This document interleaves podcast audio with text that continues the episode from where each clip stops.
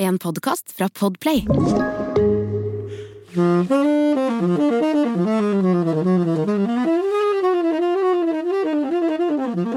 Fy faen. Det virker jo det. Åh. For en malm i det instrumentet ditt. Tusen takk. Jo, vær så god. Det var stort. Nå fikk jeg tårer i øynene. Ja,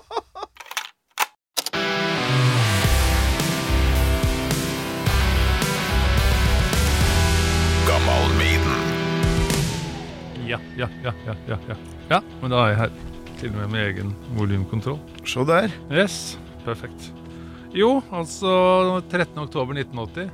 Da var jeg eh, 13 år og så Maiden varme opp for Kiss i Drammenshallen. Så det er mitt første eh, møte med Maiden. Da med den gamle settinga med Paul Diano som vokalist. Men det visste jeg jo ikke da. Jeg var bare ikke interessert i mediene i det hele tatt, for de var bare sånn pausefyll mens jeg venta på Kiss. Gammal med Torkil Thorsvik. Men uh, det var en storart opplevelse allikevel. Vi kjørte inn eh, Jeg fikk ikke lov å, å, å dra dit alene, for jeg var bare 13 år. Så jeg hadde med meg en kamerat fra Sandefjord som het Lars-Erik, som vi kalte for Bobby. Og så var det onkelen min da som kjørte, og han hadde faktisk på den tiden en uh, Cadillac. Så oppstandelsen var jo og føle på når vi kom svingende inn opp foran uh, Drammenshallen i en uh, Cadillac med sotaglass, for da trodde vi at det var Kiss som kom. Så bilen ble jo storma, men det var jo bare to grønne ungdommer fra Sandefjord, så det var ikke så spennende allikevel. Men Cadillac. Så du, du har kjent litt på ja, det var rock, rockestjernelivet? ja, det var da jeg bestemte meg for å bli musiker, tror jeg. Jævlig bra. Oi, oi, oi. Beklager litt sånn groggy stemme. Jeg var på Cavalera på Rockefeller i går. Det derre Sepultura-gutta. Ok, ja, det har jeg ikke noe kjennskap til. Nei, men Maiden, det kjenner du godt til, har jeg skjønt. Ja, som sagt, de var jo da eh, oppvarmingsband for Kiss i Drammenshallen eh, 1980.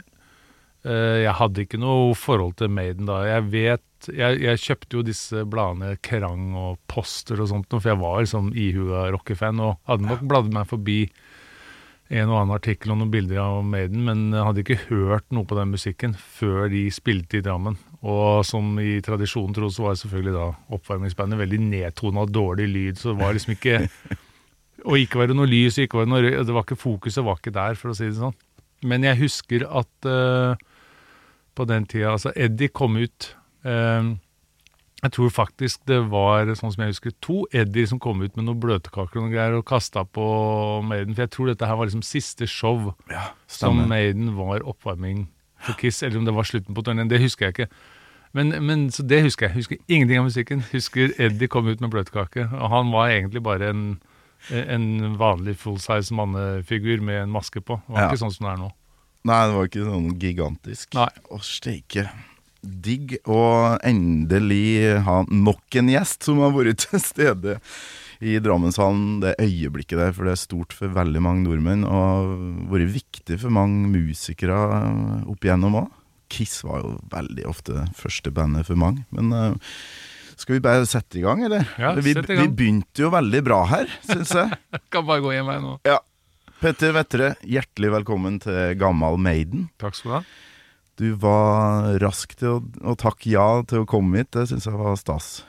Ja, altså Nå har du jo fått en liten uh, glimt inn i min uh, oppvekst, men uh, rock og Maiden blant annet, og Kiss, ACDC, Judas Priest, Moldfred. Det var en stor del av min oppvekst. Både den sosiale og den musikalske, selv om det jeg driver med nå, ikke har så veldig mye med Maiden å gjøre. Og det, her, det her er en ære, og det er stort for meg. For nå er liksom ringen slutta. Nå er det et av mine ungdomsidoler, Petter Vettre, som er gjest her. For å snakke om barndomsidolene eh, Iron Maiden da, for, for meg. Og ikke bare det, men vi skal snakke om musikk, eh, Petter. Ja. Jeg tror jeg har nevnt i noen episoder før her at jeg drev og spilte saksofon. Skulle bli jazzmusiker, det var min største drøm. Og du, da begynte du å bryte deg veldig fram, husker jeg, på 90-tallet. Så da Ja, da var du liksom eh, up and coming. Ja, jeg var vel det da. Jeg studerte i USA fra 90, nei, fra 89 til 92. Eh, og flytta til Oslo da. Jeg er jo opprinnelig fra Sandefjord, men eh, var fast bestemt på at jeg måtte liksom slå meg opp og frem i Oslo, som jeg også anså som det eneste stedet man kunne bo med en sånn spene jazzkarriere i, i kofferten. Så det var jo det jeg eh, gjorde også. Eh, litt sånn plundrete innfartsvinkel på det hele, fordi at eh, stort sett alle mine mine sambygdinger, holdt jeg på å si, de hadde jo gått til Trondheim og tatt eh, utdannelsen der og vokst opp som et band og hadde et miljø rundt seg. Jeg kom jo som uh, førstereisgutt fra Berkeley i USA uten noe nettverk rundt meg, så jeg måtte liksom jukse og ljuge meg inn på jam-sessioner og, og spillejobber og sånt. Og jeg husker en av de første spillejobbene jeg eh, klarte å karre til meg. Det var nede på Blue Monk, det som lå rett ved siden av Blitz før. Ja, ja, ja. Eh, der sa jeg For der, der stilte jeg opp på en jam en gang, og da tror jeg han som sto i baren var litt imponert. Og så sier jeg til han at jeg kan komme hit og så spille med Jon Eberson og Jon Christensen og, og Terje Gevelt. Og det syntes hun hørtes veldig voldsomt ut. Så han takka ja til tilbudet med en gang. Så måtte jeg ringe nå til dem etterpå og spørre om de kunne tenke seg å spille med, for jeg har aldri snakket med dem før. så det var litt sånn uh, brå start på, på det rent sånn businessaspektet ved karrieren, men eh, Det var rimelig breialt. Altså, Jon Eberson Alle du nevner her, er jo, er jo svære navn. Ja, ja. Og, og det var jo folk som jeg hadde stor respekt for, og som jeg hørte mye på akkurat i den, uh, i den tida. Mm. Og var også folk som jeg hadde lyst til å spille med, da, men jeg liksom klarte ikke helt å forstå hvordan det skulle skje. Så da, men det blei sånn, og så gikk det som det gikk, og da se, fikk vi spilt dem seinere. Så du fikk dem med Du må jo ha vist deg fram litt for dem først. Jeg tror nok øh, kanskje at jeg hadde vært hjemme et halvt års tid når den anledningen bød seg, så at de hadde kanskje hørt øh, Den tida så var man jo liksom ofte litt sånn på radioen og sånt nå. De plukka opp nye talenter og nye folk som hadde flytta hjem. Så jeg vet at jeg hadde hatt et portrettprogram på NRK Mm. eh, som i hvert fall Kongsberg plukka opp eh, Kongsberg Jazzfestival plukka opp eh, året etter. Så, og så hadde jeg gjort noen sånn vikarjobber oppi noe greier på, på NRK. Så det var, litt, det var liksom litt lettere å komme inn da. I, tror jeg. jeg. Jeg behøver ikke å komme inn en gang til nå, men da var liksom eh, litt lettere å komme inn på sånne etablerte flater som hadde ganske stort nedslagsfelt. Ja, ja. Så sånn sett så tenker jeg kanskje at de hadde plukka opp hvem jeg var. Så, så det gikk bra. Men ja, det var litt båtse. Jeg liker å vise lytterne litt hva gjesten har holdt på med. Hvis det er greit for deg at jeg setter på et uh, potpurri, som det kalles. Ja, ja, ja, med, med noen av mine personlige høydepunkter fra gammelt og fram til i dag. Mm. Så vi skal høre på Petter Vetter her.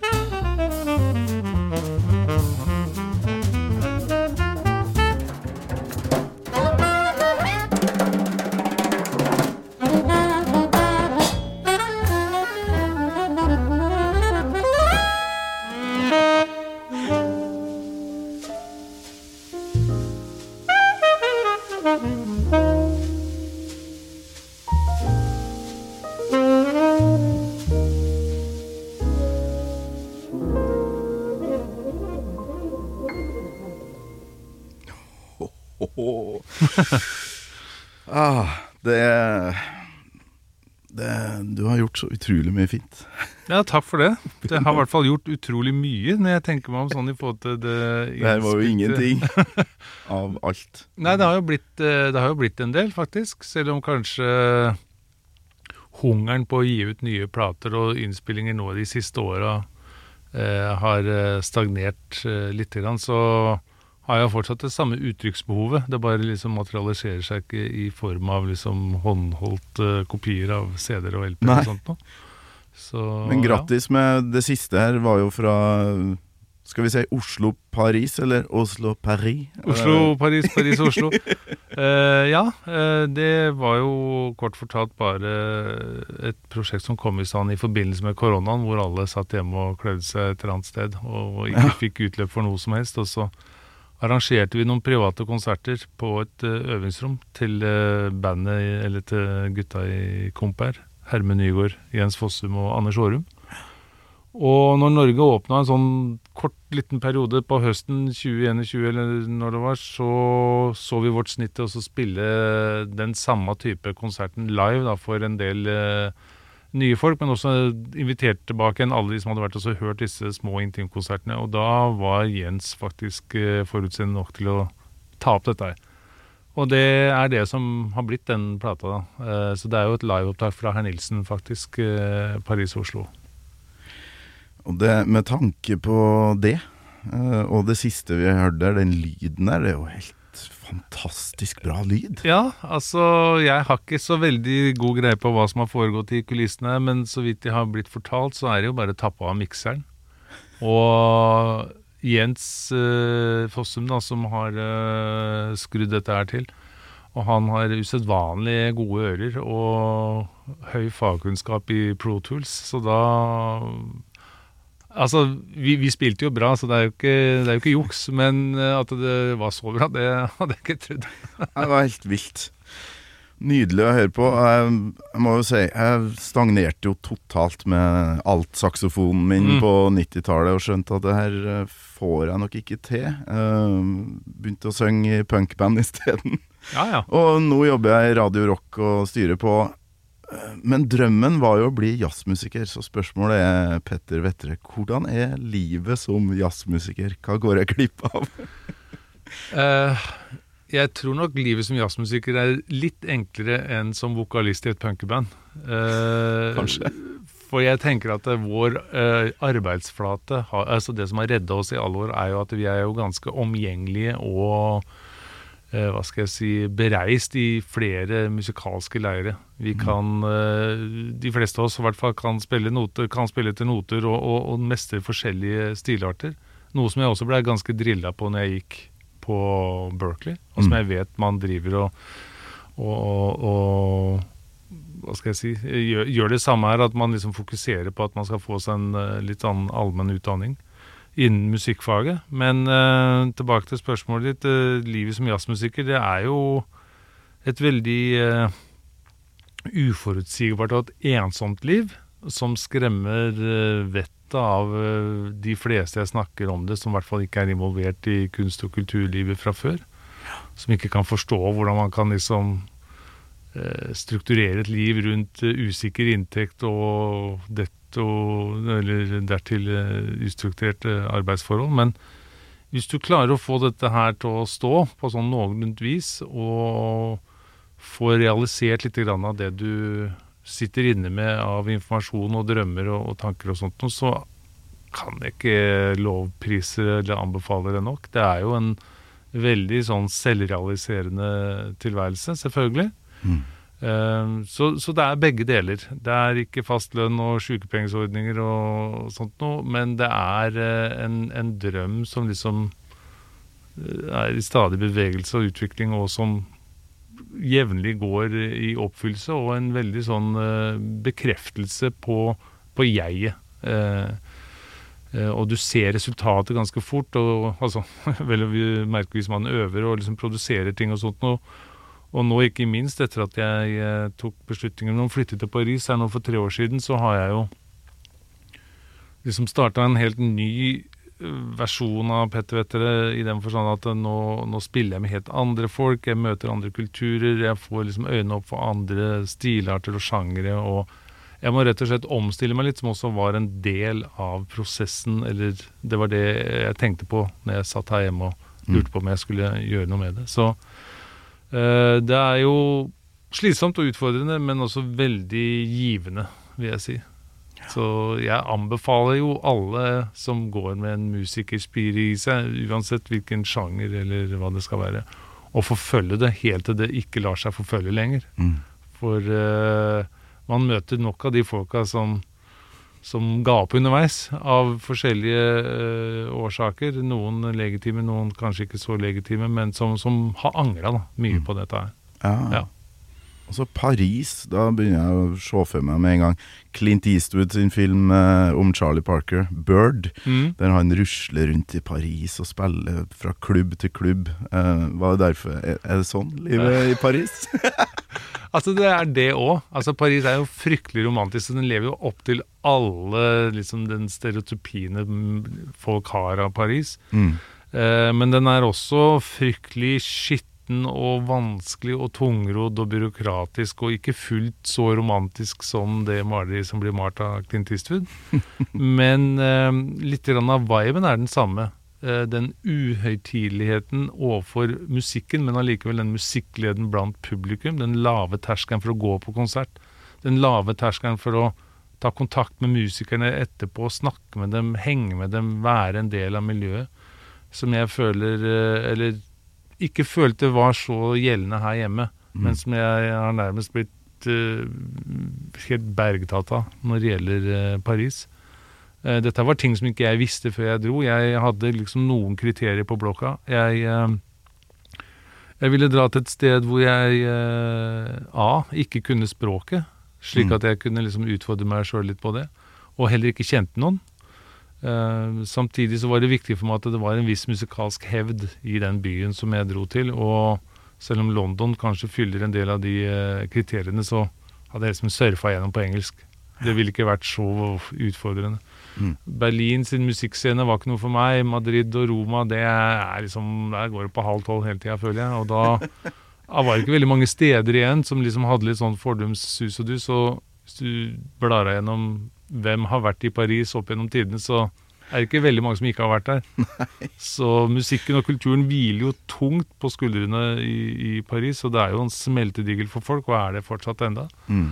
Og det dukker opp folk der eh, hele tiden, og det er en konstant kilde til inspirasjon, og du lar deg overraske og forundre liksom daglig. Så jeg har fått mye mer eh, igjen for det valget enn det jeg hadde trodd var mulig når jeg bestemte meg for Paris. For selvfølgelig kanskje alle jazzmusikeres drøm er som New York på et eller annet tidspunkt. Så, så liksom fantaserer man om det, men Uh, Og det har jeg også alltid liksom tenkt på og hatt lyst til, men eh, når, når det var aktuelt første gangen, altså etter at jeg var ferdig med studiene, så, så følte jeg at da, jeg var ikke bra nok. Jeg har ikke noe i New York å gjøre, jeg kan ikke liksom dra dit. Og nå som jeg kanskje er bra nok, så føler jeg at det er litt for teit. Det er litt, Amerikanere er blitt litt uh, merkelige, og så er det åtte timer unna, og det er liksom tidssoner og Ja. Med Paris-Oslo så er det liksom to timer og null uh, jetlag, så det er liksom veldig lett å reise frem og tilbake. Det Så derfor er Paris. sjukt, altså. Hvor Ja, to timer med fly, men to utrolig forskjellige verdener. To helt forskjellige verdener i, eh, i eh, Hva skal jeg si? Altså Det som har vært veldig overraskende og veldig positivt nå som jeg har vært borte en stund, og, men allikevel har vært hjemom jevnlig, så har det jo kommet et vell av nye, unge, fremadstormende, sultne musikere på alle instrument. Mm. Så det er jo null problem å finne folk også å spille med i Oslo nå, som liksom også er bra til å spille, og også spiller innen den uh, sjangeren uh, jazz som jeg uh, holdt jeg på å si føler at jeg har en tilhørighet til. da. Mm. Så nå er det jo liksom fullt mulig å, å, å møte og spille og la seg inspirere her også. Eh, men eh, som sagt, dette er noe jeg føler har skjedd idet jeg dro til Paris. Så liksom begynte alle de folka her å, å tyte fram i Oslo. Men Paris er allikevel eh, Det er enormt, altså. Mm. Altså, Det tar ingen ende på noen ting av uh, verken folk eller uh, klubber som dukker opp og legges ned, og liksom trender i tida, så er liksom Paris Ja, det er, det er veldig Det er veldig riktig sted for meg å være akkurat nå. Ja. Vi må jo finne ut hvordan du havna i jazzgryta etter hvert. Men eh, jeg har et fast spørsmål, og jeg regner med du allerede egentlig har svart på det. Husker du, Petter Vettre, første gangen du hørte Iron Maiden?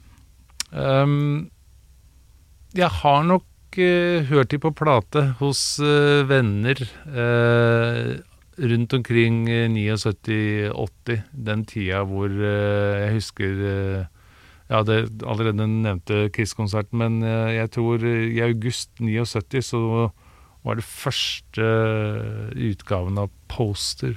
Det derre svære svenske rockebladet. Ja. Det var eh, tilgjengelig i Norge.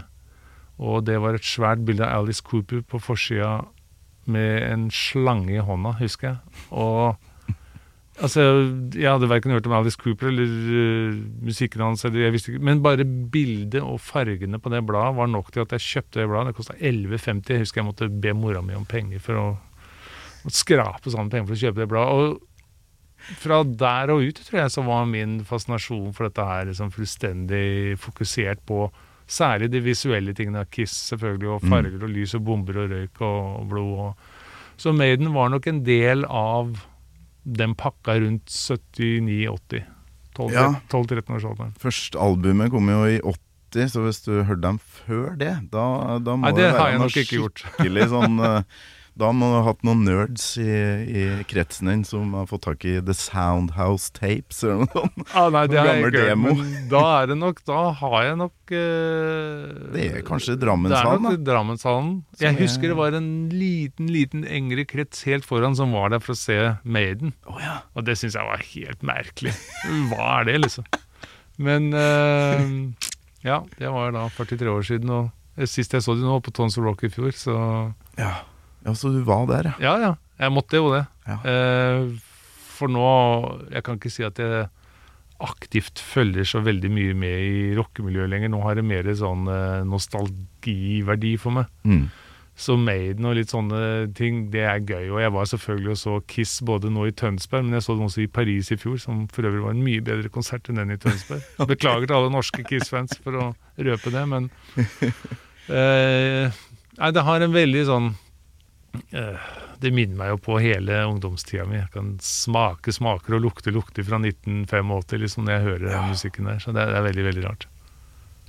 Mye gutterom og plakater og Ja, ja. ja. den slags. hadde en kjellerstue tapetsert. Ja. Det var ikke en centimeter med original vegg bak eh, de bildene. Altså. Det, det la jeg min lit til, og jeg skifta det alltid ut hver sjette måned. Mm. Tapetserte den på nytt. Noen hadde jo liksom total uh, hangup i f.eks. Guns N' Roses, Metallica, Kiss. Uh, for meg var Maiden, Maiden, Maiden, Maiden i to-tre år, tror jeg. Hva som var det bandet for deg? Nei, det var jo som nevnte Kiss, da. Kiss, ja. Uh, og jeg, jeg skal være den første til å innrømme at uh, det handler jo om utseende og show og pyro og alt staffasjen. ja. Eh, mye av musikken var jeg ikke så uh, gira på, faktisk. Jeg husker jo Jeg hadde jo alle platene, så det var jo greit nok, men uh, um, Jeg husker jeg, lik, jeg likte jo Hva heter den da? Første låta på side A på 'Dressed to Kill'. Den var i min uh, platesamling eh, Eller det, det var i min det, det var min favoritt-Kiss-sang gjennom eh, lang, lang, lang tid.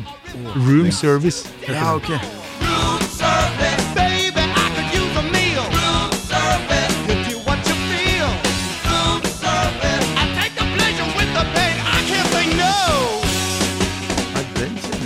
Nei. Nei, altså den har jo aldri vært spilt live heller, tror jeg. Jeg er en av de få. Room Eh, Service.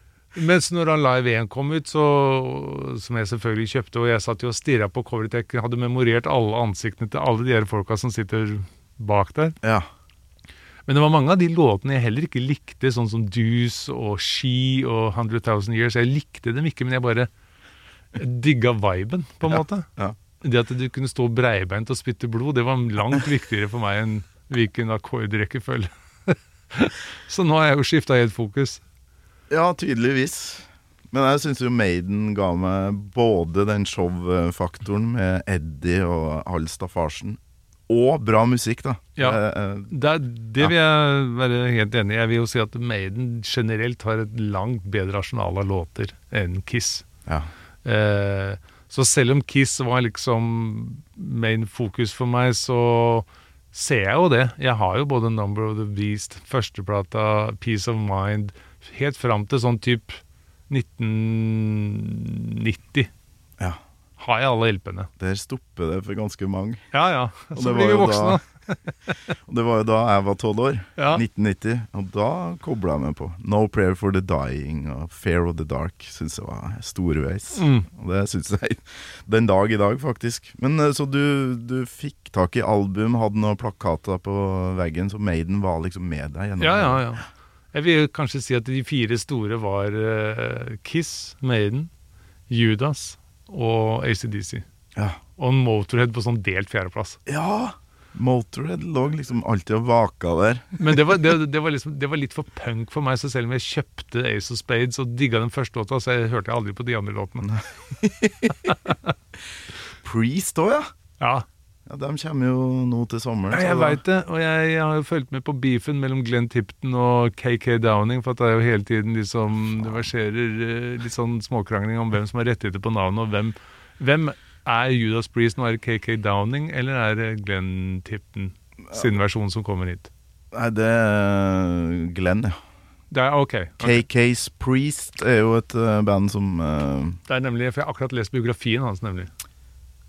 Ikke kunne vært headliner på Tons of Rock. For da får du jo ikke Rob Halford, og du får ikke alle all de andre. Og, og det der, der også er 80-tallet for meg, med, med British Steel. Hva heter han bassisten igjen? Ian Er det Ian? Ja, han, Ian Hill? Ian Hill, ja, Ja. faktisk. Han er jo helt rå. Jeg så dem jo i Stavanger i fjor. Helt sjukt bra. Nei, jeg, må nok kanskje kjøpe billett på, på Judas. altså. Ja, De er i toppform. Altså, Rob Halford Jeg har aldri hørt han synge så bra som han gjør, Nei, nei. gjør nå. Det er jo helt vilt. Så det, det bør du få med deg. Nei, jeg bør jo egentlig det. Jeg bør egentlig det. Utrolig artig da at det vandrer en verdenskjent jazzmusiker på Tons of Rock og, og suger inn all den der deilige viben der. For det Altså, det handler jo om Det er jo Altså På godt og vondt, så vi er jo Eller vi er jo begge en del av underholdningsindustrien, på en måte. Eh, jeg har alltid liksom drømt om og tenkt at hvis vi hadde hatt de midlene, det PR-apparatet og liksom de, eh, de lys og bombene og røyken og ikke minst volumet som de konsertene Tenk å ha spilt jazz oppå der. I 7000 desibel og bare blåst liksom Ekebergsletta av gårde. Jeg er helt sikker på at eh, vi hadde i hvert fall vunnet noen over på vår side. Ja. Så jeg har jo, selv om jeg aldri, jeg har aldri gjort noe med det, aldri spilt rockelåter i en jazzversjon. Jeg har liksom aldri hatt for stor respekt for begge leirer til at jeg har gjort noe særlig crossover, men jeg har alltid fantasert om det og lurt på det. Og Mm. tenkt at det er en eh, opportunity lost her. Hvis Ja. noen hadde plassert et ordentlig sånn jazzband er som en sånn Ikke stua bort på en sånn alternativ B-scene klokka to på formiddagen, det er ikke det jeg snakker om, men som headline. ja. F rett før Maiden. Klokka ti på kvelden. Så jeg veit ikke. Ja, jeg vet ikke om jeg følger med på Shining, Jørgen Munkeby, som, som, Jo da, som tar det. med seg jazzen inn i metallen. Da. Ja, Det er ganske funny, det. Altså, for Jørgen var jo en elev av meg back in the day. Så Ja, han var det. Uh, vi uh, har jo gått separate ways, sånn rent musikalsk sett. Men jeg kjenner jo igjen liksom uttrykksformen hans, og, og jeg syns det er kjempekult at han gjør det han gjør. Ja. Og at han Han er jo en veldig synlig figur i, i den uh, sjangeren, og gjør det tilsynelatende veldig bra. Ja. Mm. Energibombe av en fyr. Han har jo vært gjest her og Ja. Tolka teksten på Run to the Hills, husker jeg. Og det ble en kjempebra diskusjon.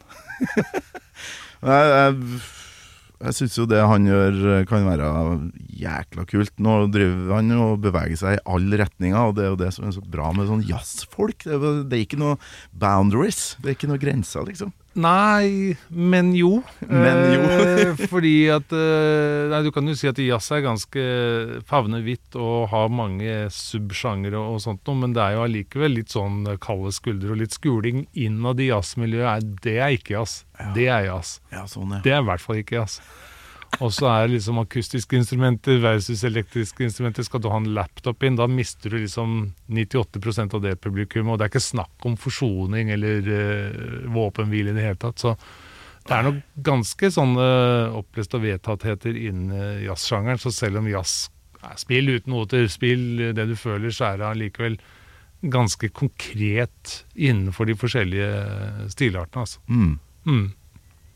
Og vi må, vi må snakke om hvordan du da Ja, istedenfor å henge på deg en gitar eller bli vokalist i punkband eller sånne ting, ble jazzmusiker. Men først eh, låtvalget ditt, egentlig, for da er vi jo egentlig i Drammenshallen fremdeles, føler jeg. Ja, det er vi.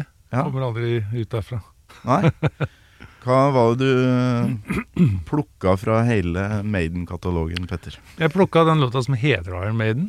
For Ja. den syns jeg er rett og slett så raff. Og den er fra den tidlige perioden hvor jeg har en, eh, en nostalgisk Eller som jeg har et nostalgisk eh, forhold til. Jeg kan ikke huske at det ble spilt i Drammenshallen, men det er jeg ganske sikker på at det blei. For det var vel sånn mer eller mindre sånn signaturlåta deres, tror jeg. Jeg tror ikke det har vært en konsert uten den låta. Nei, okay. For den, eh, den er jo med alltid. Den er med alltid. Og. Eddie skal inn eh, på den låta, så kanskje det var Kanskje, kanskje var kanskje det var kakekasting eh, Det var nok det, da. Ja, Ja. Maske-Eddie.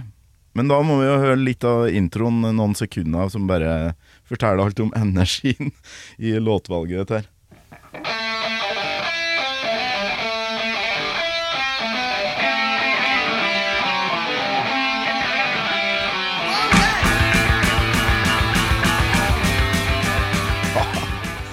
Ja, Da var det full guffe i den pitten foran scenen når den uh, låta der kom. Altså. For en headbang-låt. Du får jo lyst til å reste på alt. Ja, altså som sagt, energien eh, Altså På det tidspunktet her så var jeg ikke bevisst uh, akkorder eller melodiføring eller uh, A og B eller noe som helst, men uh, hvis jeg liksom klarer å vri fokuset vekk fra det jeg så, så vil jeg jo si at energien her, den kan du jo ikke ta feil med. Og hvis jeg skal uh, si noe som helst om den musikken jeg driver med nå, så vil jeg kanskje si at den energien der har påvirka hvordan jeg selv spiller. Ja. Så jeg spiller jo jazz med en slags sånn hardrock-innstilling, innstilling, kan du si. Fordi at jeg er veldig opptatt av at det skal være energisk, og at det skal være bestemt, og at det skal liksom være konkret. Mm. Selv om vi skal gi hverandre rammer til å improvisere under, og det skal være frihet under ansvar, og det skal være alt det der. der men det er ikke noe sånn Det er litt sånn Min jazz er litt sånn take no prisoners-jazz. Ja. Hvis jeg kan si det på den måten. Åh, oh, Det var helt vilt om eh, Maiden har ja, påvirka spillestilen din bitte litt. Jeg har jo møtt Bruce Dickinson og hatt en liten prat med han. Og det er jo den villeste historien av alle. Herre jemini, det er bare å kjøre på med en gang. Eh, fordi her for en del år siden eh, så hadde jeg øvingsrom oppe i Nydalen. Og jeg gikk alltid opp på BI for å kjøpe kaffe når jeg skulle ha meg en kaffe. Og en av dagene jeg gikk gjennom BI der oppe, så hang det svære bandet Bruce Dickinson kommer og har forelesning, bla, bla, bla. Så tenkte jeg Kan det være han, da? Ja, og så, så etter hvert så ble den markedsføringa liksom mer og mer eh, heavy, og det var jo liksom Maiden-logoer, og det var Det er han! Det er han. Og så til slutt så, så jeg et bilde at det er han, så tenkte jeg at det er jo helt vanvittig. Så jeg eh, Men jeg hadde likevel sånn veldig lave forhåpninger om å få sett dette. fordi at jeg, jeg går jo ikke på skolen der, så jeg har jo ikke noe skolebevis. eller det er sikkert tusen, Og den selve dagen som dette her skjedde, så var det jo fullt av folk i svart T-skjorte og langt hår oppå der som Ja, skulle var prøve å komme inn på dette her. Så jeg tenkte ja ja, han er jo her og holder en liten uh, speech. Sikkert, for han er jo en sånn renessansemann, så han er både pilot og brygger øl og fekter og han driver med alt mulig rart. Så, så det er vel det han skal snakke om, da. Så ja ja. Han er rett der inne, men jeg får jo ikke sett det. Så mens jeg står i kaffekøen, så kommer en fyr og prikker meg på skuldra og så sier han, 'jøss, er du her?' Og så viser det seg at det her er da en person som jeg ikke kjenner veldig godt, men som er fra Sandefjord. Og det er han som arrangerer den uh, talken med Bruce eh, Dickinson. Oi. Og så sier jeg ja, ja, ja, jeg øver som det er, og jeg er jo Maiden-fan. Ja, men da må du jo komme inn og høre, sier han. Så han får meg jo inn i den salen. Og sier også bare når det er ferdig, så bare bli hengende, så skal jeg introdusere det. Og det er jo så vilt. Uh, så jeg veit ikke hva jeg skal liksom Hva skal jeg si til han, da? Eller hva skal jeg ikke si? Eller hva, hva skal jeg prøve på? Så når, det er ferdig, så kommer han og henter meg. Vi går inn bak scenen der, der eh, eller bak scenen i et eh, sånt kontorrom, og der, der står jo han, da. Etter at han har holdt en tale, drikker litt kaffe og ser på telefonen, og så sier han at eh, Mr. Bruce Dickinson, I want to introduce you to, the, to Norway's uh, best saxophone player. og jeg bare jeg rekker fram hånda og sier 'hello', og så sier han yeah, 'that's impressive'. Og det var den samtalen vi hadde. Men jeg har i hvert fall tatt den i handa og sagt hva jeg heter. Og, så nice to meet you. Åh, så det, det blir jo bestandig kleint. Ja, Ja. det blir superkleint. Og det Ja. var jo egentlig Det er jo lenge siden, det er ikke så lenge siden, men tanken på selfie Instagram, Facebook, det var bare sånn Jeg kom på utsida og tenkte hva faen? Det er ingen som vil tro på dette. Nei. Men uh, jeg var der, så jeg veit det.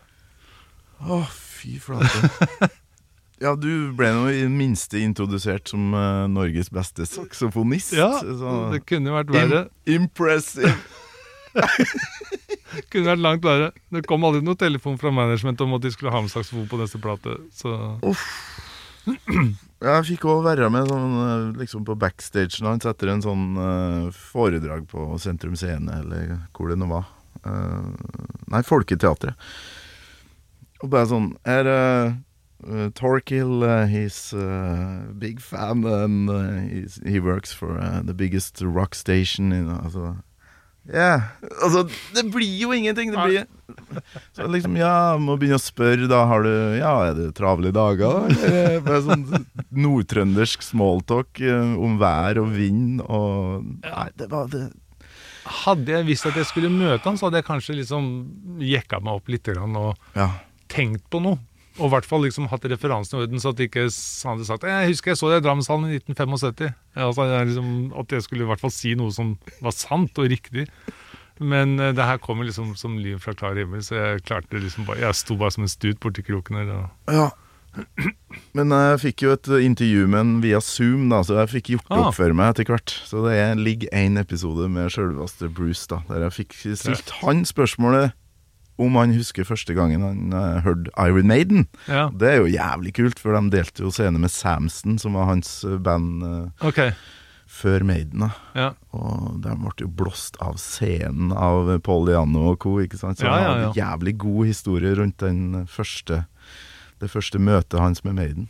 Så jævlig fornøyd med akkurat det spørsmålet. Resten av intervjuet ble jo stort sett bare pjatt. Og dama hans driver og lager kaffe i bakgrunnen, og han begynner å etterligne kaffemaskiner og Altså, nei. Ah, ja. For en For, for en uh, energibombe av en kar, altså. Mm. Han sitter jo bare og babler. I actually do Nespresso machine impressions, you know, sometimes, you know. like that's horrible. I mean, you know, where have the little ordinary coffee machines, you know, where, where they just kind of go. Yeah. Anyway, never mind. Right, that's that. Nydelig. Nei, så det, du fikk bare sånn Du visste ikke at du skulle inn der engang? Nei, fikk... Det fikk jeg liksom vite før eh, selve foredraget, og jeg kan ikke egentlig huske hva det var han snakka om heller, men han hadde også altså Det var jo veldig forberedt, dette her, så han hadde jo noen lysbilder bak, og jeg tror det var om det der eh, Både med ølbrygginga og, og flyvinga og liksom entreprenørskapet hans og interessen. Altså det at han sang i rockeband, det var egentlig bare nok en sånn ting på hans eh, rooster. Altså Det er bare noe han gjør for at han har liksom tid og lyst. ja, Han altså, kan det, og derfor gjør han det. Lager filmmanus. Nå er en skuespiller i en eller annen sånn ABBA-grøsser som skal komme. Så han er med på Ja, det, det, det var det som var inntrykket, og han er jo også da veldig energisk og veldig gøy å høre på. Så selv om ikke du verken liker Maiden eller har ambisjoner om å fly et fly, så er det gøy å høre på et menneske som er så engasjert. Absolutt. Eh, men nå er det du som er i fokus her, og vi må, vi må tilbake til Paul Diano og første verset på Iron Maiden. What you gonna do, my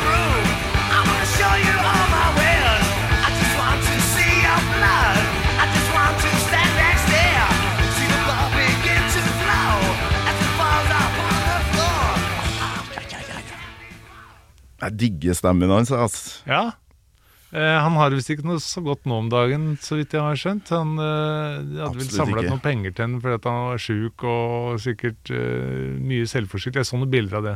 Ja. Følger litt med, selv om jeg ikke følger med.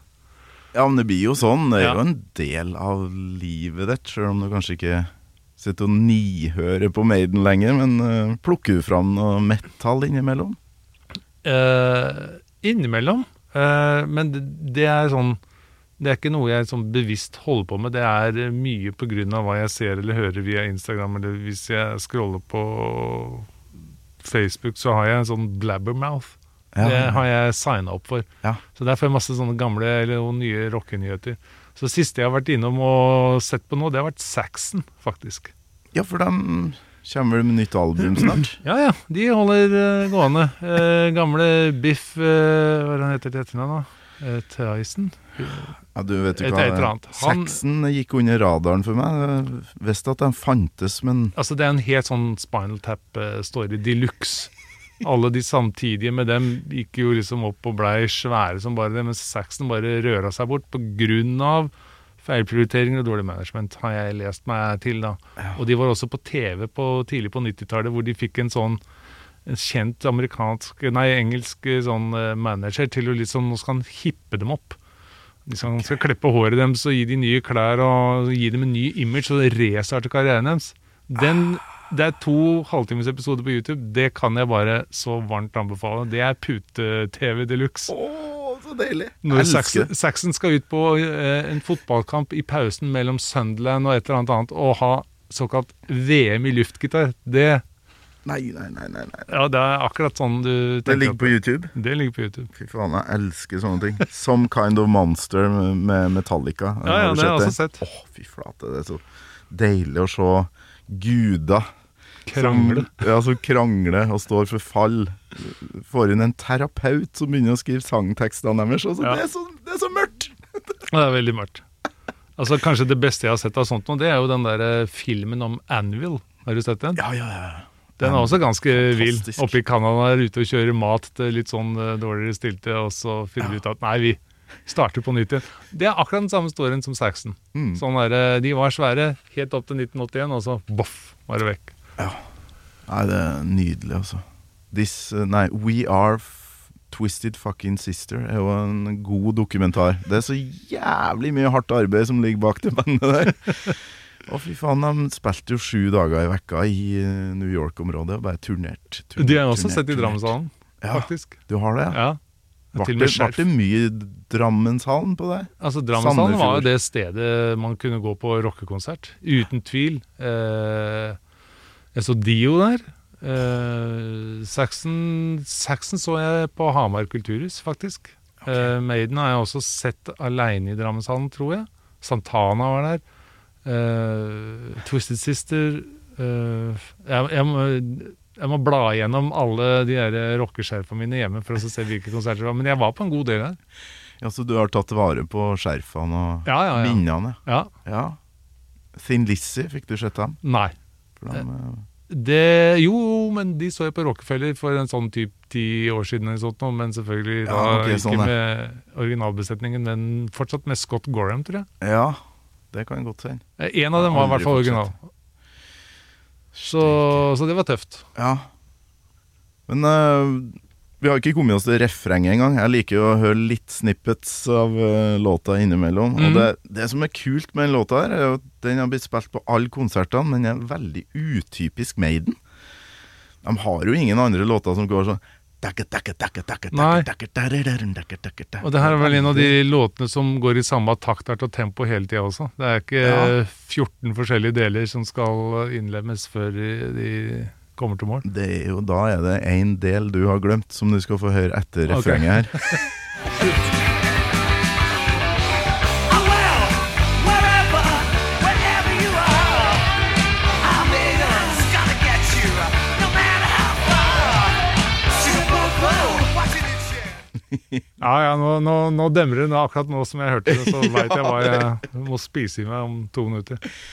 Ja, det er jo um, så klart den her um, oppbygninga til bass-solo og det som kommer her, da.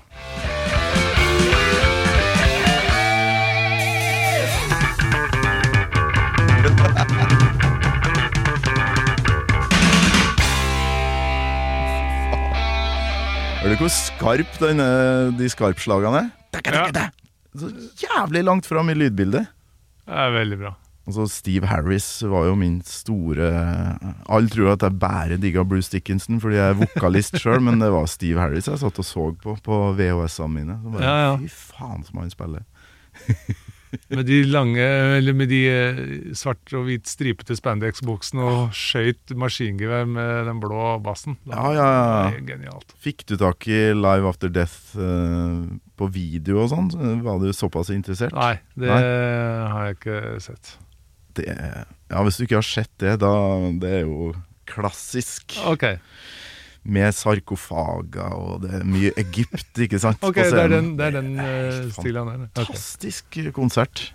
Jeg husker jeg leste liksom at det var en av de beste eh, Alltid kåra til den beste livealbumet eller beste konserten som noen gang er holdt i metallverden Helt helt til det skjedde Ah, okay. andre ting da, etter hvert.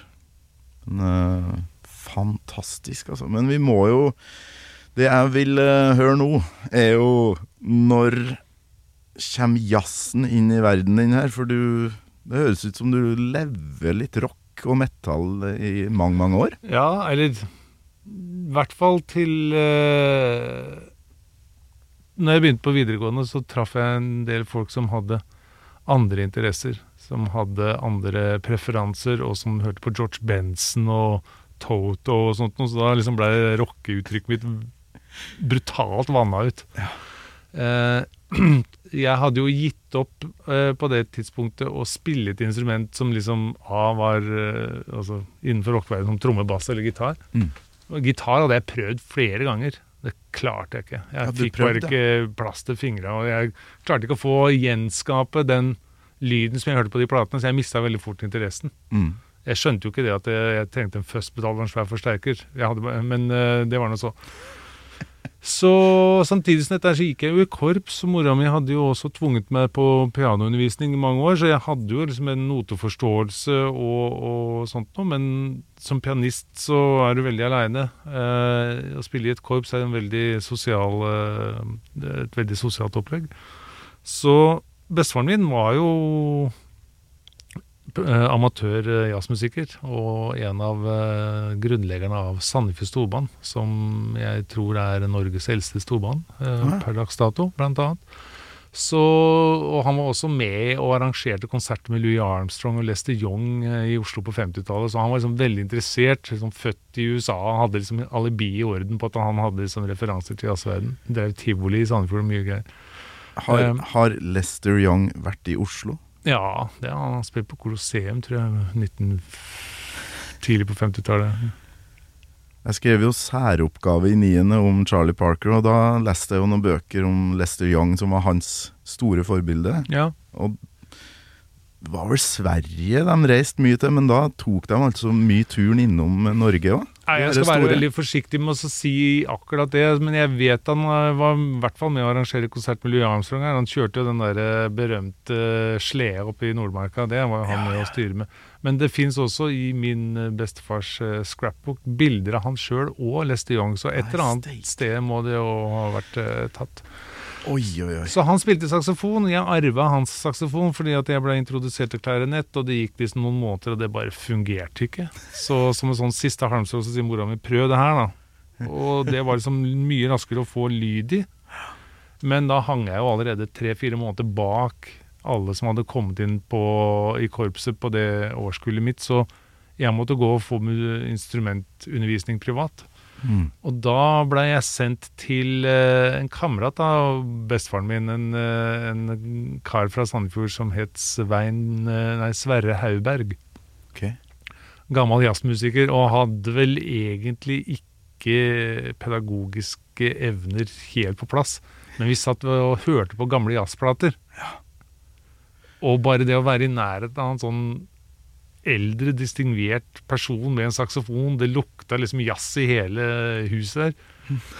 Det, det, det må underbevisst ha gjort et eller annet med meg, for at jeg ble veldig fascinert av det greiene der. Spille utafor notesystemene og liksom utforske på, på egen hånd, men innenfor liksom de parameterne som råder. Så så rundt omkring da, med korps og sånt, og så blei jo den Jeg fikk et instrument, da fikk jeg en stemme som da ikke var Du kan ikke spille rock på saksofon, det, det går bare ikke. Så da må du gjøre noe annet. Springsteen, da. Ja, Don't get me started, sier jeg bare.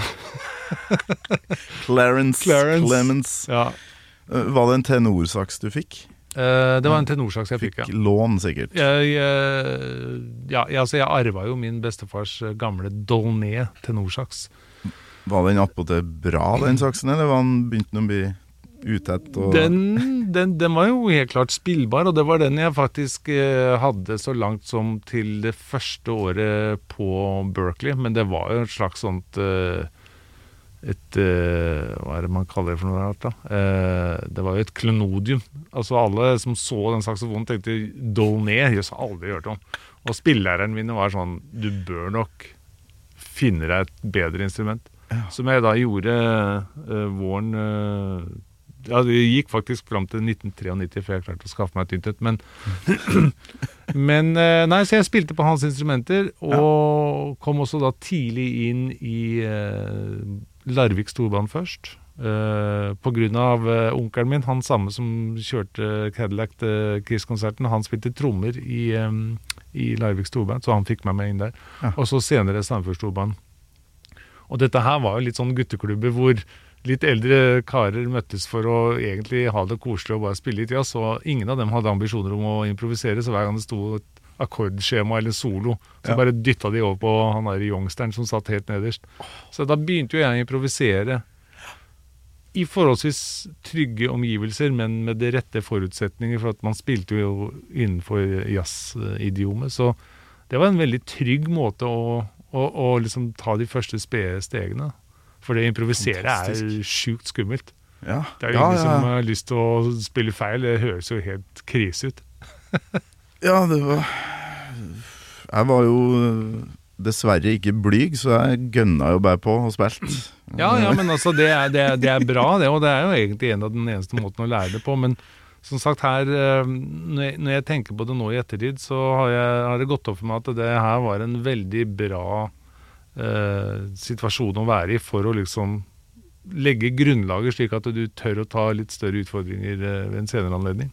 Det er helt vilt bra. altså det, Gammal Maiden handler jo ofte om gutterom, og det er sånne gutter i dongerijakka med patcher på, og som sitter og konspirerer. og 'Faen, har du fått tak i det?' og det.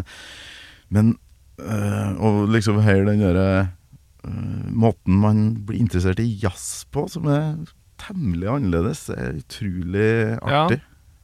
Altså, alle disse rockegitaristene som sitter hjemme og spiller Henriks eh, og Stairway to Heaven på gitaren sin, det, det er jo raskt en sånn, kan du si, en, eh, en sånn sosial greie som du også kan ta ut av gutterommet og spille for folk på nachspiel. eller- Altså men det å sitte og spille en saksofon aleine, én og én note av gangen med en sånn Du kan ikke spille Stairway to Heaven på saksofon. Og liksom Kan man ikke det? Ikke med overbevisning. Jeg vedder på at Kenny G har prøvd. Ah, han, han har nok det, altså. Han har nok det, helt klart. Nei, så det blei jo Faen at jeg nevnte navnet. Det burde ikke vært med i den episoden. her. Ja, det får du bare. Editere ut. Herre jemini. Men eh, ja. Men derfor så blir liksom referansene blir jo da mye mer sånn I hvert fall de første Man, man tok jo liksom ikke instrumentet ut av rommet på en god stund. og det ble veldig mye sånn øving, men heldigvis så hadde man jo et forum for å videreutvikle de små, spede stegene man tok, da, ved at man ble presentert for et mer og mer intrikat motebilde. Og, og, og som sagt, den settinga mi med både Larvik Storbanen og Sandefjord Storbanen, de var jo i tillegg ganske aktive sånn eh, Hadde spillejobber. Så man fikk jo fort ta en del i det også. Rent, og så se hvordan ikke profflivet, men hvordan musikerlivet fungerte. Med rigging og spilling og publikum og liksom respons og fyll og spetakkel og liksom hele Er det det her jeg skal drive med? Jeg husker vi spilte på julebord for Larvik kommune. Det var min første spillejobb eh, med Larvik Storbane. Det første som skjer når vi kommer dit, er at eh, alle brannmennene i Larvik på det tidspunktet, og jeg håper ikke jeg kjenner noen av de nå, de, de hadde konkurranse om å tisse på disse faklene som sto opp til rådhuset. Det var om å gjøre å slukke flest mulig av dem, så det, det er sånn det begynner. og når vi får rigga oss på plass og sitter her og skal borgermesteren eller ordføreren i, i Larvik på det avværende tidspunkt ønske velkommen.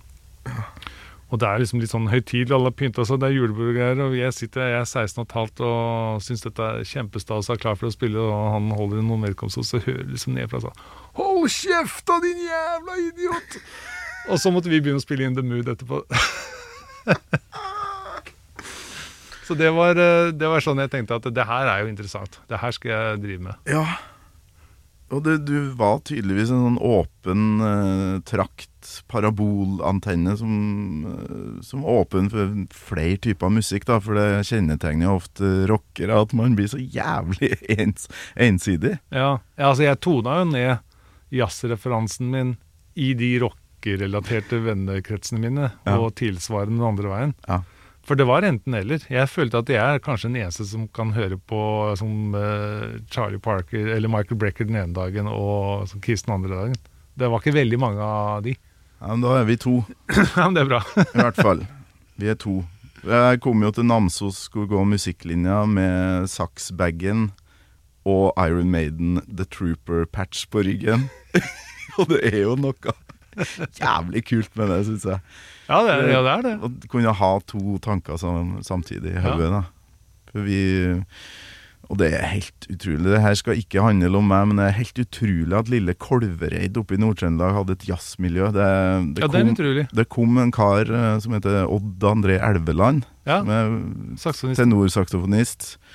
Veldig sånn standardjazz. eh, Ja, jeg kjenner til han. fantastisk eh, flink eh, pedagog, da, for han tok oss inn i stua si. Vi rigga til noe utstyr, noe trommer og sånt, og så satte han bare på. Tok oss gjennom fra liksom Count Basie og oppover Charlie Parker, Lester Young, Dexter Gordon, husker jeg. Da begynte jeg Oi, oi, oi, nå snakker vi. Og Mhm. så fikk vi et lite halvt glass rødvin hver, og så var det opp på, på stuegulvet og spille. Ja. Ja, tenk. Det er ikke mange som har opplevd det der, altså. Nei, nei, nei. Og sett i sånn der, den lukta av uh, og sånn eh, var jo mye røyking, ikke sant? Og, og bare sitte og høre på jazz. eh. og det var jo det du fikk da hos han derre læreren din. Mm. eh, Ja, ja. pipetobakk eh, og Sikkert mer til oss som ikke klarte å registrere. Det var liksom en vibe der. Ja. En, helt klart en vibe. Fy flate. Og så leva litt i begge leirer, sånn en fot her og der. Ja. Men når skjønte du at uh, det her kan jeg faktisk bli jævlig god på? Altså Det prøver jeg jo hele tiden å overbevise meg om uh, den dag i dag, at jeg kan bli god på det. Men uh, det som etter Altså under videregående så, så traff jeg noen folk som jeg spilte ganske mye med fra Sandefjord. En gitarist som heter Hans Mathisen, blant annet. Og, og da var vi liksom veldig han, han var langt mer fremskreden enn meg eh, når det var eh, notekyndig og arrangementsmessig. sånt, så han, han kunne planke låter. Han kunne skrive plate, eh, noter på, av musikk vi hørte på radioen eller hadde på teip og sånt. Ja. Og vi hadde band hvor vi spilte på en del russefester, og, og da spilte vi liksom det dagens musikk, da. Det som var populært i 1904, 5, 86. Mm. Og det var jo sånn rom for litt improvisasjon der, og som var veldig nysgjerrig på dette, her, samtidig som jeg fortsatte å være i storbandet. Og så dro jeg på Tonheim folkehøgskole, og da tror jeg bestemte meg for at eh, For da traff jeg også folk for første gang utafor Sandefjord kommune, som Mm. også spilte et instrument, og det var jo helt merkelig. Jeg har aldri sett et menneske fra Vestlandet før. Jeg kom til Tonheim i 1987. Og der var det jo også utrolig mye bra folk. Eh, og der laga vi litt sånn type Tower of Power-band hvor- med blåserekk og full pinne. Og hadde en del spillejobber i Mjøsdistriktet på den tida. og Mesoforte, var ikke det var jævlig svært? Jo, jo, jo. Ja. jo. Ja, Island. Garden Party. Ja, fra Island. Ja. Alle steder. Så, og den samme Hans Mathisen hadde en bror, Ole Mathisen, som på det tidspunktet her gikk på Berkeley College of Music, og som var helt sjukt god, syns jeg da, eh, husker jeg fra den tiden. Og tenkte at eh, jeg, jeg tenkte ikke at det er han fordi at han har øvd kjempemye, det er han fordi at han har gått på skole i USA, tenkte jeg. ja. Så det var jo det som gjorde at jeg bestemte meg for å begynne der sjøl, i 1989. Eh, men allikevel fortsatt med en forutsetning. Og jeg tar et år av gangen. Så, altså, jeg skal bare liksom fylle på kontoen med musikalsk informasjon, og jeg skal ikke liksom bli noe som helst. Mm. Eh, Men så gikk liksom bare tida fra meg, og så plutselig var jeg ferdig, og så sto jeg liksom i Oslo da, med saksofon på ryggen og fikk meg en ettroms leilighet i Hospits på St. Olav, det som nå er Edderkoppen, oppe Ja, ja. på St. Olavs plass der. Bodde i sjette etasje der, blant eh, byens eh, løse fugler. og, og begynte å spille. Fikk noen jobber her, fikk noen vikargreier der. Spilte mye på smuget, var litt i NRK. Laga litt egen musikk, juksa meg til den jobben på Blue Monk, som jeg sa. Og så var jeg liksom i gang, og så 35 år seinere så har jeg liksom ikke stoppa med det. Så sånn var det. Fantastisk eh, historie. Og du, ja, du ble eh, Du ble i Oslo i mange mange år, du da, fram til Paris nå, eller har du Ja, bodd andre jeg Ja, jeg flytta til Oslo i 92, og så reiste jeg ut nå da i eh, Jeg flytta i 20, 2020. 1. mars. To uker før eh, covid eh, banka på døra og Ja. stengte hele I hvert fall oss som bodde i Paris. Vi ble jo lukket inne. Det var helt vilt. Jeg ble litt nysgjerrig på den, der saksen, den første saksen din, jeg, for jeg har nylig bare krøpet til, til finn.no og solgt eh, Selmer-saksen min, for jeg skjønner at det, det må jo brukes. Det kan ikke ligge der. Det var tungt. Hva skjedde med din eh, første saks? Har du den fremdeles? Jeg har den enda. Den Dolnea-saksen som jeg snakka om, den ligger godt eh, plassert i kjellerboden hos eh, kjæresten min. Den skal nok aldri spilles på. Eh, og så gikk jeg til anskaffelse av den saksofonen som jeg har med her, faktisk. Som eh, jeg bruker eh, når jeg er i Norge, for nå har jeg liksom kjøpt meg en ny saksofon. eh, Som jeg gjorde i, i våres. En eh, en håndbygd eh, saksofon av en, en saksofonmaker fra Nederland, fra Amsterdam, som Ja. heter Remi, som laga den på, på mål. Eh, så det er veldig, veldig fornøyd med. Men den saksofonen jeg har der, eh, eller den som jeg har her i, i Norge, det er en gammel Mark 6. Og den har rett og slett vært spilt på om ikke mer enn i to minutter, men det var i hvert fall to minutter som jeg overvar. Den har vært spilt på av eh, selveste Sonny Rollins. Nei. For jeg var i New York for å kjøpe en ny saksofon i 1993 på våren der, og så er jeg ganske tidlig innom en forretning hvor jeg ser den og prøver den og tenker at den her var veldig bra, men jeg har lovt meg sjøl at jeg skal ta runden og så sjekke rundt, og så ber jeg han å holde den her av til jeg kommer tilbake igjen. Noe han da gjør. Og etter den eh, runden i de andre forretningene, så, er, eh, så finner jeg ikke noe annet. Og så skal jeg ta turen eh, tilbake igjen. Og, og jeg skal da opp til Carnegie Hall og et smug mellom 56. og 57. gate. Der ligger altså musikkforretningen Perry Ritter Music Instruments and Repair. Og den butikkfronten kan du ikke se fra gata, du må gå inn en sånn lite smug. Og mens jeg går inn det lille smuget, så hører jeg noen spille saksofon. Og når jeg hører det, så tenker jeg at eh, jøss, det der er helt likt som Sonny Rollins. Og så kommer jeg inn i butikken, og der står altså Sonny Rollins og spiller på, på det instrumentet som jeg har bedt om å bli holdt av. Og da tenkte jeg at eh, jeg kan jo ikke si at, eh, at jeg skal ha den. Jeg får bare stå her til han er ferdig. Hvis han tusler ut av butikken med den, så det var det.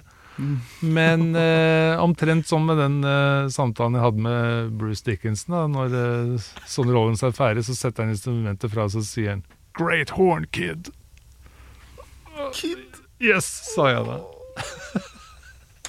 du kødder med meg. Og så skulle du kjøpe den. Ja. 3000 dollar seinere så var den min. 3000 dollar. Ja, 21 En 000 Mark kroner. 6 Selmer-saks. Den kosta det i 1993.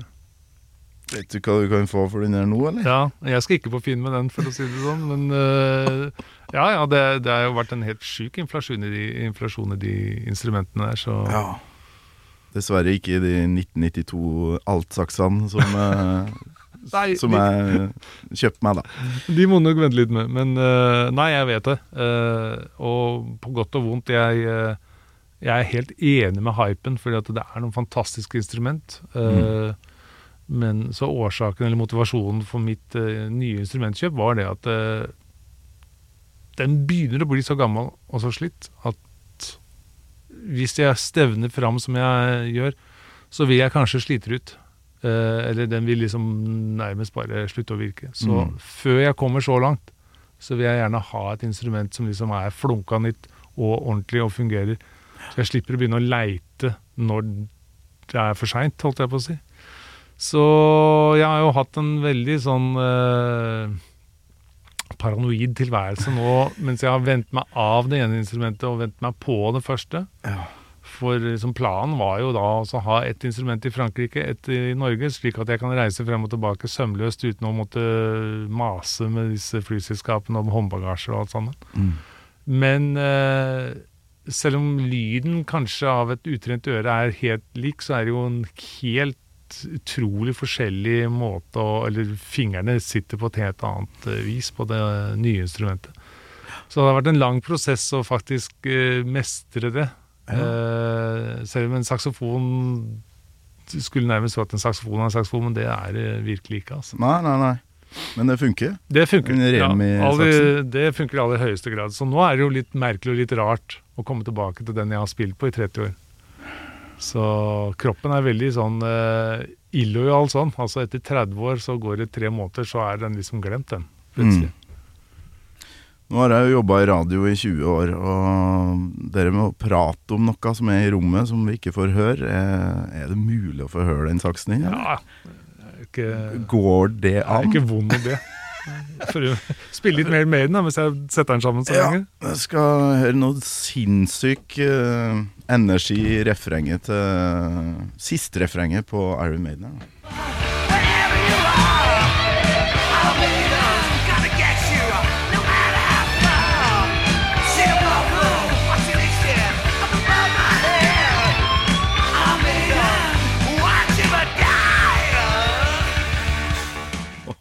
Ah. Jeg husker jo det var litt prosess å få opp instrumentet da jeg holdt på, men eh, hvor, skal vi se hvor kjapp du er, Petter. Det her, det her hadde jeg ikke forventa at du skulle gjøre, så jeg bare Jeg er jævlig happy med det her, altså. Jeg tror jeg må være den første metallpodkasten som uh, har en verdenskjent Se på den saksen. Altså, det er jo en, et instrument av metall, så det burde jo Ja, Det har jo sin rettmessige plass her. Ja, absolutt. Og det er ikke gjort noe med lakken, for å si det sånn. Den eh, er original. Den er original. Eller det som er igjen av den, den Ja. er original. Så den har jo liksom bare korrodert med tida, den her, da. Se nå om det er noe Hva er det jeg ser på sida der? Er det en Det er- hodeskalle, eller? Ja ja, den er jo pimpa til å passe eh, han som spiller på den. Den har til og med også et øye der nede, som du ser. Du kødder. Du har en øye på klaffen. Ja. Det er sånn Hodeskallen er nesten Eddie. Ja, den er ikke helt ulik, faktisk. Den er ikke helt ulik.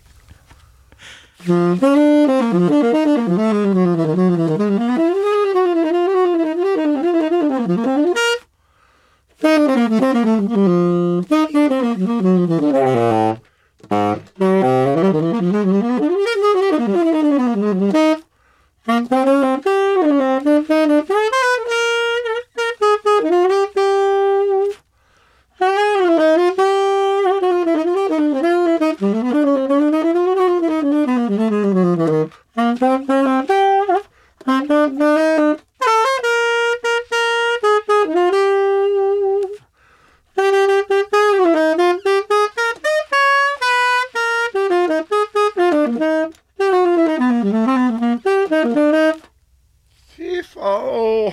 virker jo det.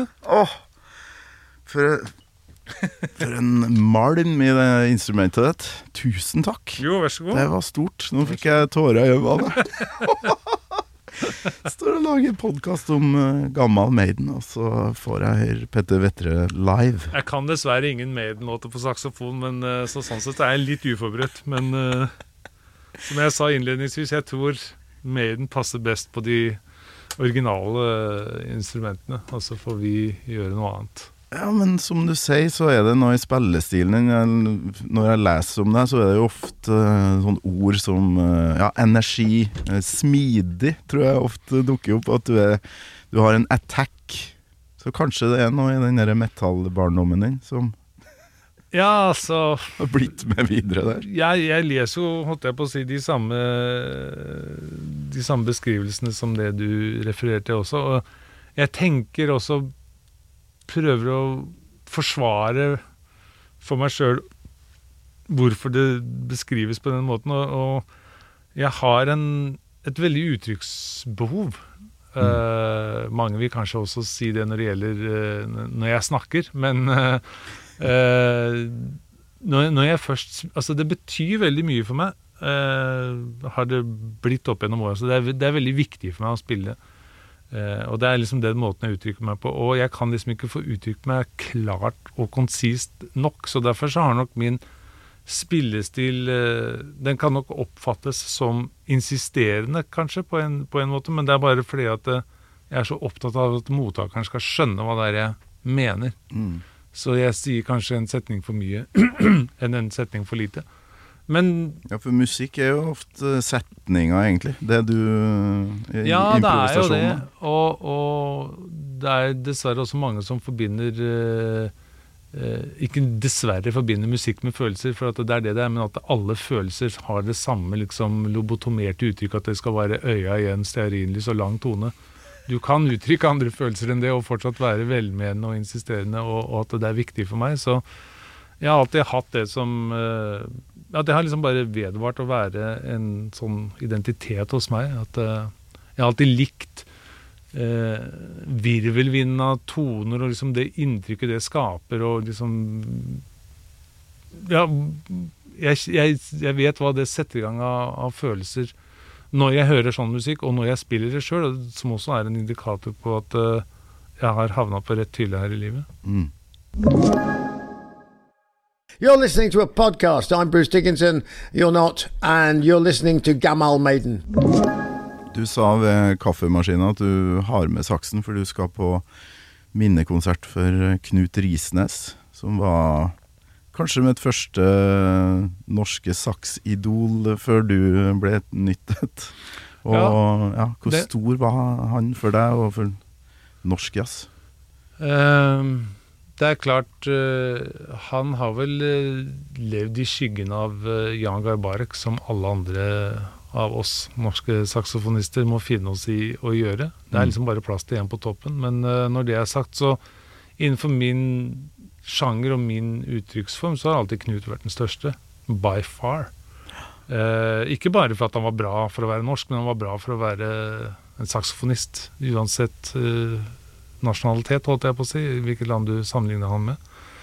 Og han var en eh, veldig likende kar, og noe jeg er stolt av å kalle en god venn. Vi møttes jo selvfølgelig ganske tidlig, fordi at, eh, som jeg sa i stad også, at eh, i det miljøet her så er det veldig mye mm, eh, I frilansjobbmiljøet så er det jo masse forskjellige jobber. Eh, eventer, eh, TV-oppdrag, radio, studio. Og jeg, Knut var selvfølgelig godt etablert når jeg kom hit, og var jo høyt og lavt. Og under de forutsetningene så traff jeg han. Og jeg husker eh, første gang jeg hadde en ordentlig god prat med han, det var en lang historie kort egentlig, men uh, når jeg gikk på Berkeley, så rooma jeg sammen med en uh, trommeslager fra Sandefjord, Helge Christensen. Og han skrev en oppgave om Jon Christensen og hans trommespill. Uh, okay. Og for å liksom illustrere det, så hadde han én låt som en referanse, og det var 'Softless In The Morning Sunrise', spilt inn live på Trubadur i Trondheim i 1981. Med Jon Christensen, Bjørn Alterhaug, Terje Bjørklund og Knut Risnes. Og den sangen, eller den, den låta, den surra jo gikk i, i eh, vår eh, studentbolig hele tida, som til slutt bare tenkte at uh, det saksofonspillet her, det er så hipt at det må jeg bare skrive ned. Så jeg transkriberte hele saksofonsoloen. Sju håndskrevne sider med åttendeler ble det til slutt. Og etter at jeg hadde truffet Knut uh, altså Da var jeg ikke så uh, godt kjent med, med Knut og visste ikke så godt hvem han var da, men etter hvert som jeg flytta tilbake til Norge og liksom kom inn i miljøet, og sånt nå, så gikk det over for meg at det er jo han som har spilt det. Så jeg, jeg stakk hjem til han en dag. Eller jeg lurte på om jeg kunne få opp til komme han. Jeg hadde noe, hadde noe å gi til han.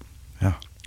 Og da hadde jeg med meg den uh, soloen, ferdig utskrevet, og sa sånn hørtes du ut i 1981. Og da blei han jo veldig glad, litt rørt tror jeg også, at noen hadde giddet å tatt seg bryderiet med å gå såpass inn i hans uh, kunstnerskap, og invitert meg inn, og vi snakka løst og fast om, om mye rart. og det som han sa da, som jeg syns er veldig morsomt, var det at uh, Som jeg tenker også er akkurat det samme som jeg driver og tenker etter hvert som jeg har blitt eldre. At når vi kom, altså på begynnelsen av 90-tallet, med, med Petter Vettere eh, for mitt vedkommende, og Element, som var det bandet til Gisle Johansen, Håvard Vik, Ingebrigt Flaten og Paul Nissen Lowe, og spilte Coltrane, vi hadde på oss dress og liksom var sånne der, uh, unge fremadstormende, drakk appelsinjuice og gikk og la oss klokka åtte alle sammen. Og da sa jo Knut at ja, vi var veldig grønne på dere når, når dere kom, for at det var ingen av oss som skjønte hvorfor dere skulle få så mye presse, for sånn, sånn spilte jo vi på 80-tallet, liksom. Men da var det ingen som brydde seg om det. Så det betyr jo bare at pendelen hadde svunget, og når vi da kom på begynnelsen av 90-tallet, da var liksom plutselig den akustiske amerikanske 60-tallsjazzen på vei i full fart eh, tilbake igjen. Mm. Så det at de gikk rundt de første åra jeg var i Oslo, var irritert og sånn småforbanna på meg bare for at eh, vi spilte sånn som det. Det, visste jo ikke jeg da, men det, det er akkurat sånn jeg tenker om jeg hører folk som, eller ser folk som får mye liksom, oppmerksomhet. Så tenker jeg, "Pff, har du hørt på den plata mi fra 2002, eller? Den er jo akkurat det samme. Ja. Faen, så bra.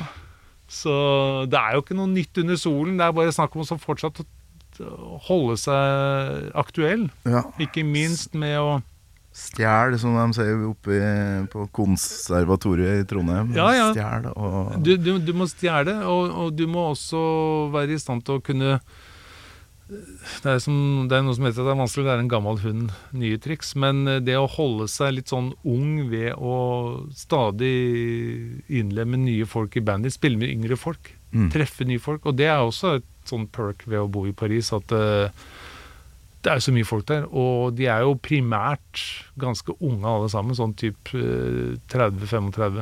Så jeg er liksom 20 år eldre enn alle sammen, så jeg må jo jobbe med innstillinga mi, både sånn rent menneskelig, men ikke minst også musikalsk. Og jeg har også spilt med folk som er, liksom er knapt 20, og det er klart at de har jo selv om de vet om sånne rollen som Coltrane er, så har de en helt annen referanse på musikk Mm. som sådan. Så jeg må virkelig gå noen runder med meg sjøl for å liksom Jeg skjønner ikke hva du sier. Jeg hører hva du spiller, men jeg skjønner ikke hva du sier.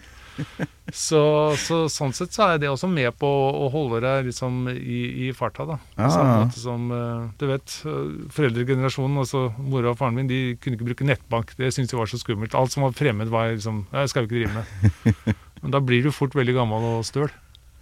Har du fått med Spider-God, som er sånn Trondheimsbasert, eller Jeg har hørt navnet. Ja, jeg har ikke hørt de har jo musikken. barytonsaks eh, som, et, Ah. ja, som et riff og kompinstrument, egentlig. Uh, og trommisen der har jo vært innom uh, Gammal Maiden to ganger, Kenneth Kapstad. Han gikk jo på konservatoriet i Kristiansand uh, Ja. for 100 år siden. Og han var vel en av de første som gikk der. Uh, for jeg begynte å undervise der på slutten av 90-tallet, og da er jeg ganske sikker på at han var der. Mm. Han Ja, har også jo spilt her med. Motorpsycho, har han ikke det? Han var her nå nettopp, og vi snakka om uh, Garbarek Belonging-albumet som vi alle satt og nihørte på. Ja. Og ikke minst uh, ja, for, de, for de har jo et, uh, et slags sideprosjekt, han og Per Borten, da, som også spiller i Spider-God, som heter Kobra Kraft. Som er, det bør du sjekke ut. Det er, det er en kul, mod, moderne, litt rocka jazz, vil jeg si. Da. mm. Jeg syns det var kult. Der er det jo uh, rockefolk som prøver seg på jazz, og det, det syns jeg er litt uh, Med bakgrunn i at de har snøring, så klart. da Det er ikke bare, Ja, ja, ja. tull. Nei, altså det der crossover-greiene er jo selvfølgelig Det er jo uh, vågalt. Fordi at eh, de eh, eh, Hva skal jeg si De, de eh, Man er det har lett for å bli veldig konservativt i de forskjellige miljøene, og ikke pokker om noen kan spille sånn der hvis de, de gjør sånn, og, og vice versa. Det verste er jo det verste er jo populærkulturen som eh, diverse fjernsynsprogrammer, hvis navn ikke skal nevnes, når disse plutselig skal synge jazz, og da må jeg bare gå et annet sted. Det er helt grusomt. Ikke det at jeg ser på det sånn egentlig, men altså hvis jeg kommer over det, så må jeg bare gå vekk. Ja, det er lenge siden jeg har sett sånne programmer. Ja. For det blir jo som regel vondt. Ja, ja, det er kjempevondt. Det er jazzaften i Ja. Vi Nei, det er ikke det. Nei, det er faktisk ikke det. Ja, helt utrolig kult. Uh, vi, må, vi må høre avslutninga på låta di, som et fantastisk låtvalg. Er Tarjei Strøm er eneste som har eh, valgt seg den før, av de 175. Så det, hvis du kjenner til han, ja. trommis og TV-fjes, det òg. Mm. Og det er jo en nydelig avslutning.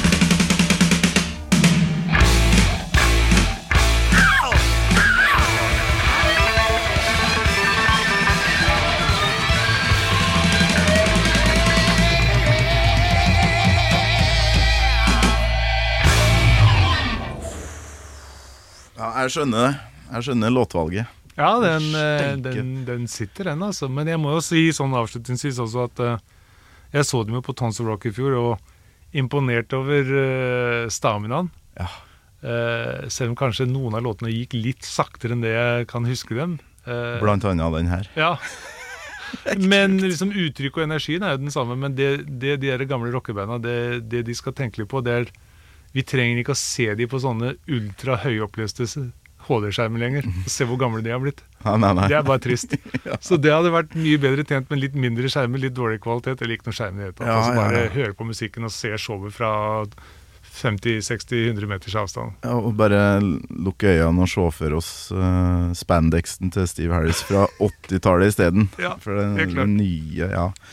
Steike, vi har laga rekordlang episode i Gammal Maiden-sammenheng her. Ja, jeg jeg har jo egentlig ikke lyst til å slippe deg ut når jeg først har fått deg inn her, men nå har du spilt saks for meg, så jeg må bare si tusen takk. Og hva til slutt nå, Petter, eh, hva skjer fremover? Eh, Har du noen plans på uh, nei, altså, innspilling og sånt? den, eh, jeg skal, når jeg, når jeg drar tilbake til Paris nå førstkommende mandag, og da Jeg har vært i studio med et annet band eh, som består av kun skandinaviske musikere som er bosatt i Paris, eh, og hvor vi alle sammen har spilt inn deler av vårt eget repertoar. Så jeg eh, Det første som skjer når jeg kommer tilbake, igjen er at jeg skal dra dit for å mikse og redigere mine bidrag.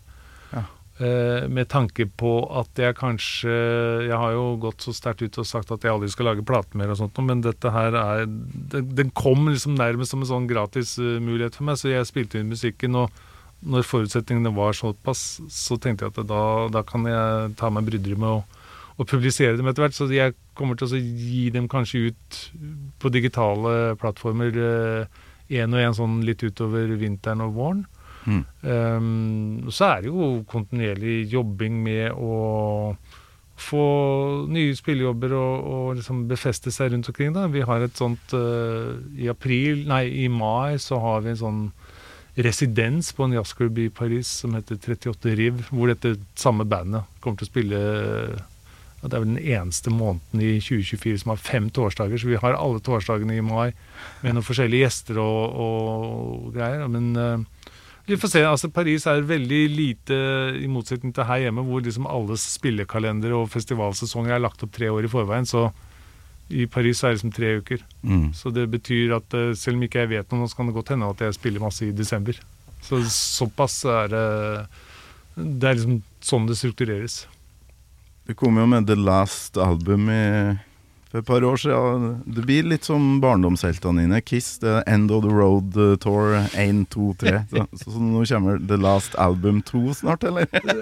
Nei, det, det skal det ikke gjøre. Men uh, altså Poenget mitt med den standhaftige manifestet som jeg liksom kom med da, var fordi at jeg syns det å lage en plate er forbundet med såpass mye hjernegymnastikk og emosjonell eh, innsats at eh, man blir så tom og så sliten når det ikke er noe på den andre siden. Mm. Eh, verken av oppslag eller salg eller noen turner At du kommer ikke lettere til noe som helst. Og så tenker jeg at og det er en businessmodell som ikke går opp. Altså Uansett om man har redusert kostnader til minste felles multiplum med at uh, alle kan gjøre et opptak hjemme eller live, og det bør ikke koste skjorta å lage plate, så er det sånn Det koster allikevel, og musikere skal ha litt betalt, og når disse pengene ikke kommer tilbake igjen heller, og så skal du drive og søke alle disse pengene Det er liksom så nedverdigende.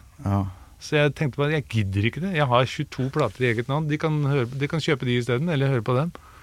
Og så hvis det da byr seg en anledning sånn som dette her, vi er i studio, dette er betalt, og jeg gjør noen av mitt reportasje, så er det hyggelig å kunne vise at jeg fortsatt holder på, uten å liksom måtte gå tilbake på, på, på det jeg har sagt. Men eh, enn så lenge så kommer det ikke noe sånn ny sånn plate, en samling med låter. Men det kommer en her, det kommer en der. Jeg prøver å få dem inn på en spilleliste. Bare legger det ut på Facebook eller Instagram eller SoundCloud-sida mi, og så Ja. se hva som skjer med det.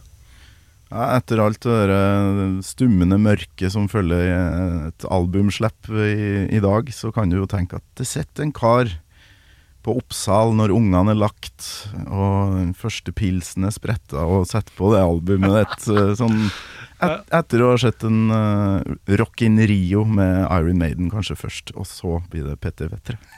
Ja, nei, altså jeg er jo. Jeg er jo lykkelig når jeg får høre sånt noe, og jeg vet jo det eh, også. Og samtidig så det kan det høres liksom veldig bryskt ut, den der eh, aggressive holdningen til 'ikke noe mer plater herfra'. Men eh, som sagt eh, nå har jeg gått litt i tenkeboksen på det, og, og tida forandrer seg jo hele tiden. Altså Det der med det, det sinnet man opparbeider seg mot Spotify, og fy faen her og sånn der. Det er nok i ferd med å, å på en måte avta litt, og vi er alle liksom innstilt på at det er sånn hverdagen er nå. Mm. Eh, så når jeg snakker med folk som er 20 år yngre enn meg, som jeg kan fortelle at vi Back in the day så pleide vi å spille inn plater, og så trykka vi opp 1000 X, og så tjente jeg 200 000 kroner for at jeg, jeg ga det ut på eget selskap. Mm. Og det var etter utgiftene var betalt. Ikke sant? Og det var ingen som skjønte noen ting. Det var tider, det. Ja, det var tider. Nå, nå, nå må du, nå, hvis du er heldig nå, så får du liksom en Spotify-regning på liksom 1600 kroner. Ja. Så Det er mørkt. Det er mørkt. ja, det er litt mørkt. Petter Vettre, tusen takk for eh, at du kom hit og prata med meg, spilte litt, og lykke til med minnekonserten. Takk for det. Skulle det. gjerne vært der. Og mm, god tur tilbake til Paris etter hvert. Takk skal du ha. Takk for at jeg fikk komme. Du har hørt en podkast fra Podplay. En enklere måte å høre podkast på. Last ned appen Podplay, eller se podplay.no.